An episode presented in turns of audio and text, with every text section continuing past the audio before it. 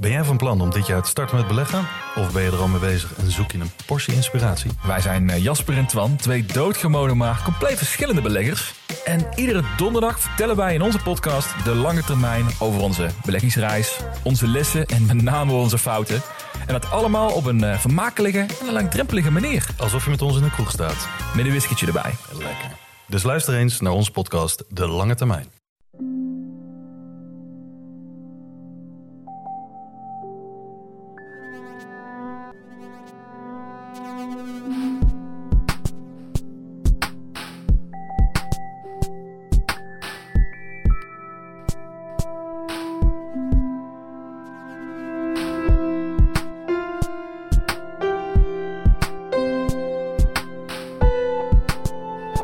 Welkom bij aflevering 13 van de Relaas podcast.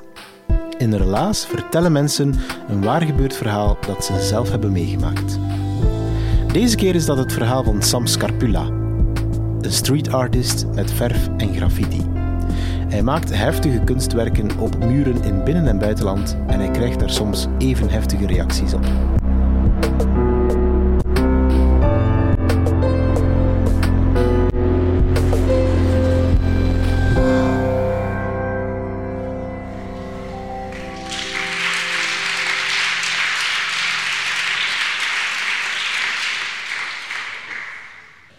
De duivel weet soms zelf niet wanneer dat hij de duivel is.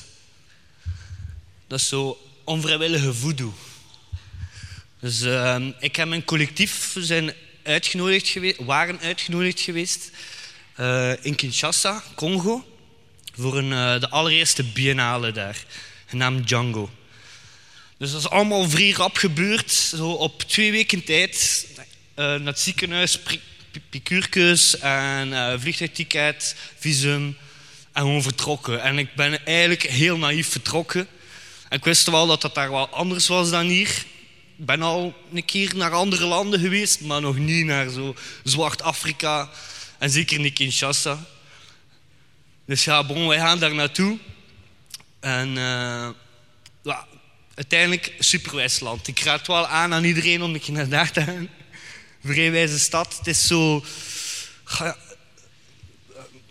heb je ooit die film gezien, Mad Max? Zo, uh, wel, maar de, eerste. De, als zo niet alles kapot is, maar zo bijna. wel.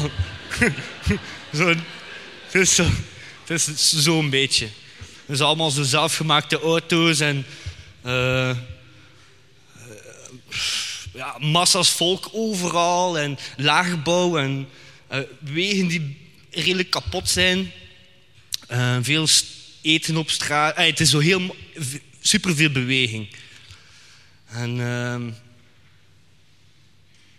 ik ging naar een muur schilderen. Ik ging een paar muren schilderen, maar begin bij de eerste. Uh, en dat was ehm, eigenlijk redelijk dicht bij de zenuwstelsel van, uh, van de Django Biennale, eigenlijk zo'n hoofdbureau. En dat bevond zich in de Académie des Beaux-Arts, eigenlijk de Schone Kunstenacademie van Kinshasa. Dat tegelijkertijd ook een beetje zo'n soort van um, uh, groene long is van de stad. Omdat je daar niet veel groen, alles is volgebouwd. En uh, dus mijn muur bevond zich eigenlijk aan de andere kant van de straat van de academie. Dus aan de ene kant hebben we zo de culturele centrum van de stad, met allemaal jonge mensen, intellectuelen en, uh, en professors en docenten. En aan de andere kant van de straat heb je eigenlijk een gewoon woonwijkje. Zo. Ah, een redelijk groot woonwijkje. Met uh, kerkjes en uh, ja, veel vuiligheid op straat. En, also, ja, zo, als je zo Afrika in beeld Kinshasa, zo ziet dat eruit. en dan is er nog zo een treinspoor die ze eigenlijk alle twee kruist. Maar die treinspoor wordt niet meer gebruikt. Dat is zo eigenlijk een wandelroute voor zo van één kant naar de andere kant te gaan. En mijn muur stond eigenlijk op die kruispunt tussen al die verschillende culturen achtig zoiets. En mijn muur was eigenlijk uh, een zijmuur, redelijk groot. Ik had geen meetlat bij, maar ik denk dat het 35 stappen was. En dan en vijf stappen naar boven. en... Uh, En hij was helemaal groen geschilderd. Dus hij was al groen, dus eh, ik ging dat als basis gebruiken. Eh, dat kan een redelijk heftig café. Ik denk dat er af en toe wel een keer eh, slagen werden uitgedeeld. Had daar zo'n poeltafel. Eigenlijk zo'n beetje bikerbar allures zo. Maar zonder bikes. Gewoon veel zatlap. En, wacht, ik ga, ik ga even... Dus, ja, dus we hadden nodig om een muurschildering te maken. Je hebt verf nodig. En, eh, en ook een ladder. Dat is wel handig als je zo hoog wilt gaan. Dus eh, ik wou het eigenlijk redelijk simpel doen. Gewoon zwarte latexverf. Dus zo een beetje plastiekverfachtig zo. Dus gewoon al op zoek in die stad achter die verf is al een heel onderneming. Want je hebt daar eigenlijk niet veel. Ehm, maar uiteindelijk toch zo een winkeltje gevonden. Eigenlijk zo'n garagepoort. Waar dat je dan binnen gaat om je verf te bestellen. En die man snapt nu al, man. Mijn Frans is ook niet echt vrij goed. Eh, uiteindelijk toch meegaan in a- achtersteegjes. Omdat ze het dan echt de verf speciaal voor mij gingen maken. In zo'n klein kotje. En ze zaten naar mijn vijf.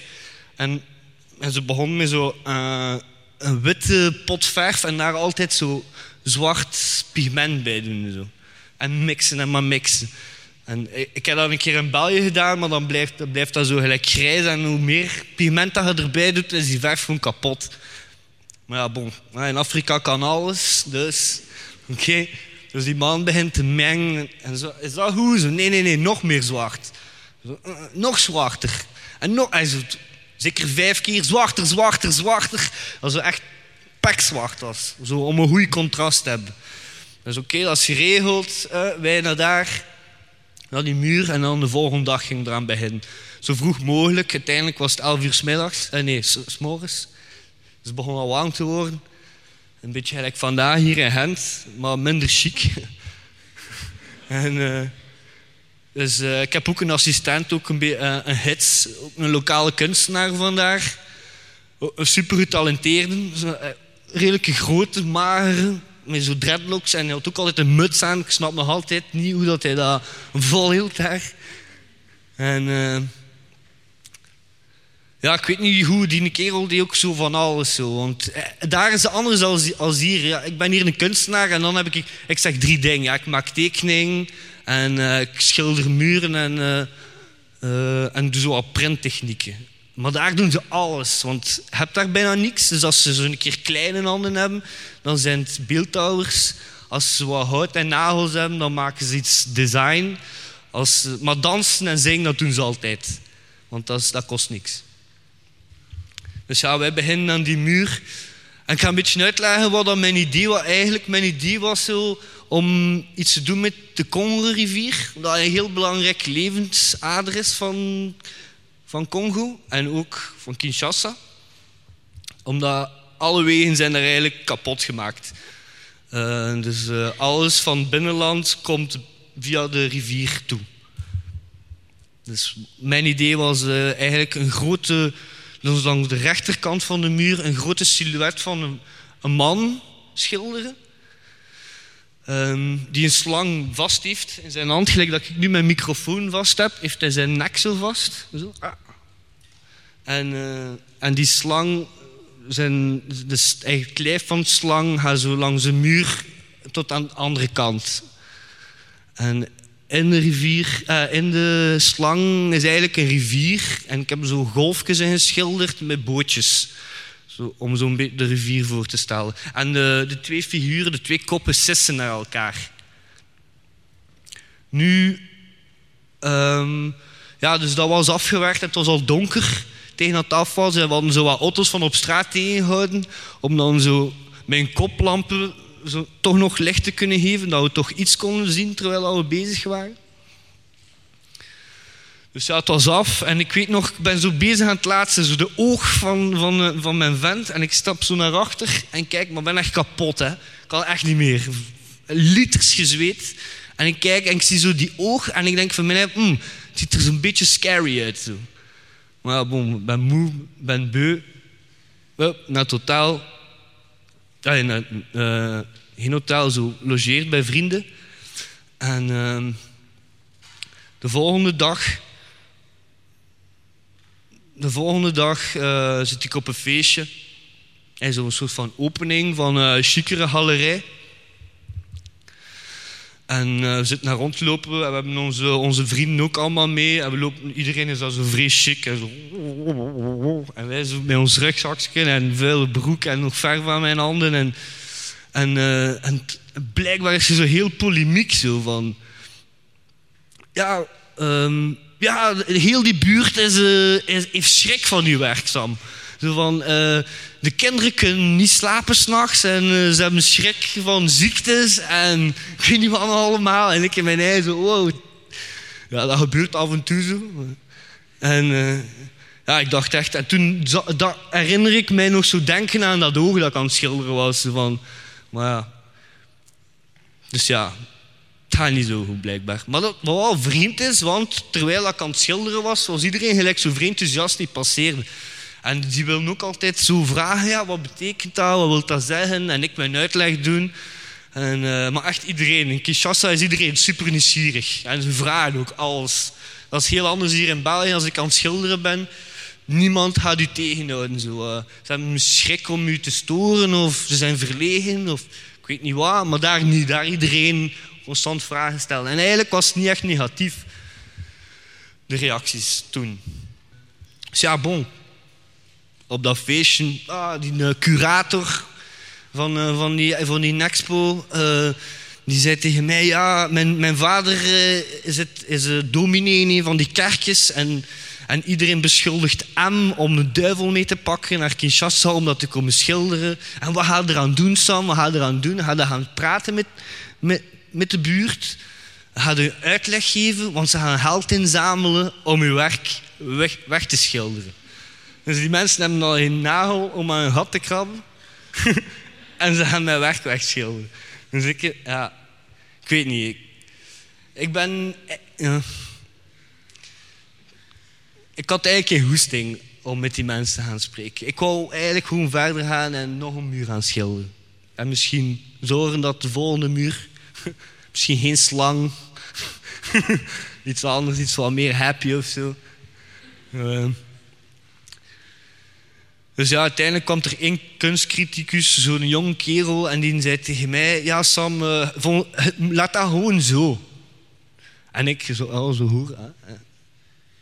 En hij zegt: Ja, laat dat gewoon zo. Het is bijna zo'n performance dat je gedaan hebt voor die biennale. Zo. Om zo'n keer uh, mijn stok uh, ergens te steken waar dat al zo'n beetje gevoelig ligt. Heel dat voodoo-ding zo. Dus ik was, wel, ik was wel voorstander van zijn idee. Dacht zo van ja, daar ben ik er gemakkelijk van af. En hebben we zo'n beetje politiek gemaakt, uh, polemiek gemaakt. En het is zo'n keer een avontuur. En ik had eigenlijk ook niet echt goesting om gelyncht te worden.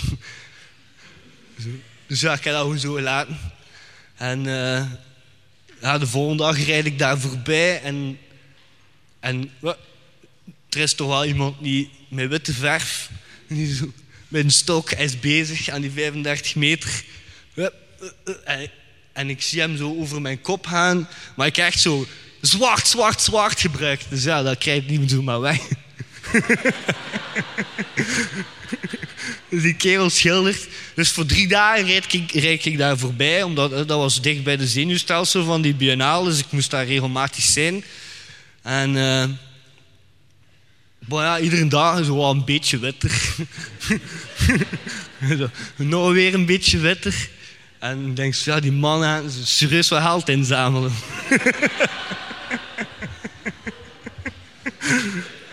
dus ja, uiteindelijk was het wel weg. Zo. Ik vond, ja, ik vond ook zo, de eerste keer dat, dat ze mijn ventje aan het wegschilderen was, had ik wel zoiets van, uh, zo van ah, het was pijn, hè. ik heb dat serieus afgezien. Uh, maar op zich, ça va. Bijna ik denk 90% van mijn werken dat ik op straat geschilderd heb, zijn al verdwenen. Dus dat hoort er wel zo bij. Daarmee dat ik ook teken op papier en zo. Op doek. Dat blijft wel langer. um, ja, maar Boog bleef wel altijd in die buurt. En dan uh, gingen we het ook altijd zo na, na zo'n hele pijnsessie nog wel lekkere pintjes gaan drinken. Zo een kooi, zo. Dat was wel nog lekker eigenlijk. Want ik ben al naar veel landen geweest en die kooi was wel goed. Zo met zo'n een, een panter erop. Zo. En dan zo een goed witte uh, en zo rijst en fofu. En, maar, ja. Eigenlijk niet veel keuze, maar ik had echt altijd honger.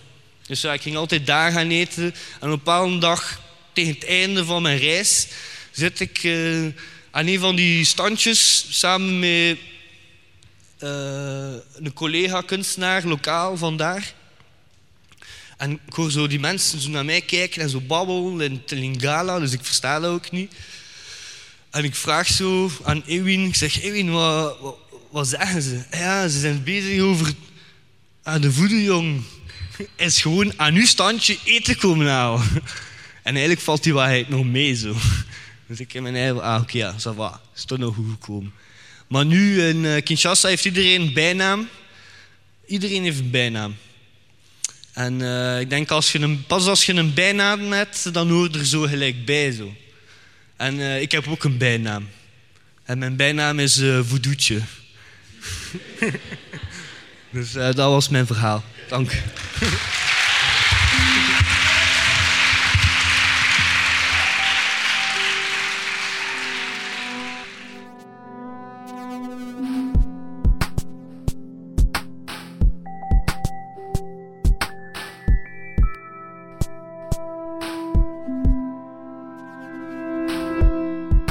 Dat was helaas aflevering 13. Je hoorde het voodoo-verhaal van Sam Scarpula. Relaas is naast een podcast ook een maandelijkse vertelavond. Heb je zelf een bijzonder verhaal? Wil je iemand tippen die een goed verhaal heeft? Of wil je er graag ook eens bij zijn als de verhalen live verteld worden? Surf dan naar www.relaas.be en je komt alles te weten over ons, over de vertelavond en over de podcast. Relaas komt tot stand met de steun van Stad Gent, Urgent FM en het Rekker Radiocentrum.